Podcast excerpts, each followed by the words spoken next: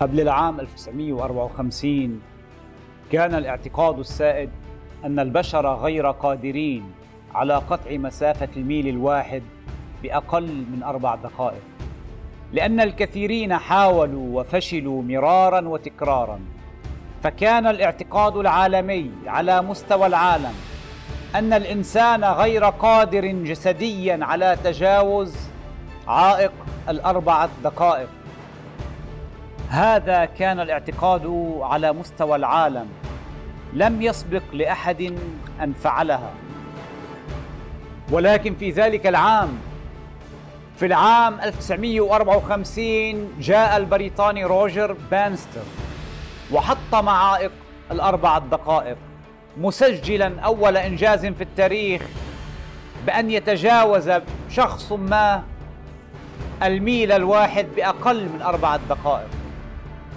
الملفت في الأمر أنه منذ ذلك الحين وحتى يومنا هذا أكثر من عشرين ألف شخص بينهم طلاب جامعات ورياضيين وأشخاص يحبون الرياضة قاموا بتجاوز عائق الأربعة دقائق فما الذي تغير؟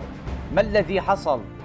عشرين ألف شخص يتجاوزون هذا العائق بعد أن تجاوزه روجر بانستر الذي تغير أن أولئك الناس اعتقدوا وبدأوا يعتقدون بأن ذلك الأمر ممكن فقد رأوا بانستر يفعلها. كل الذي تغير هو أن الاعتقاد باستحالة هذا الأمر قد انقلب إلى إيمان بإمكانية تحقيقه.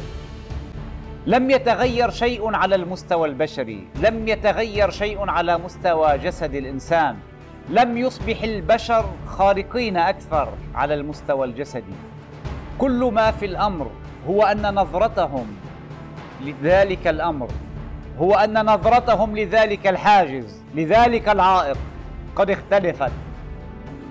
فالذي كانوا يرونه مستحيلا أصبح ممكنا. عشرين ألف أو أكثر آمنوا في داخلهم أنه إذا كان بإمكان شخص ما فعلها فلماذا لا يستطيعون هم فعلها؟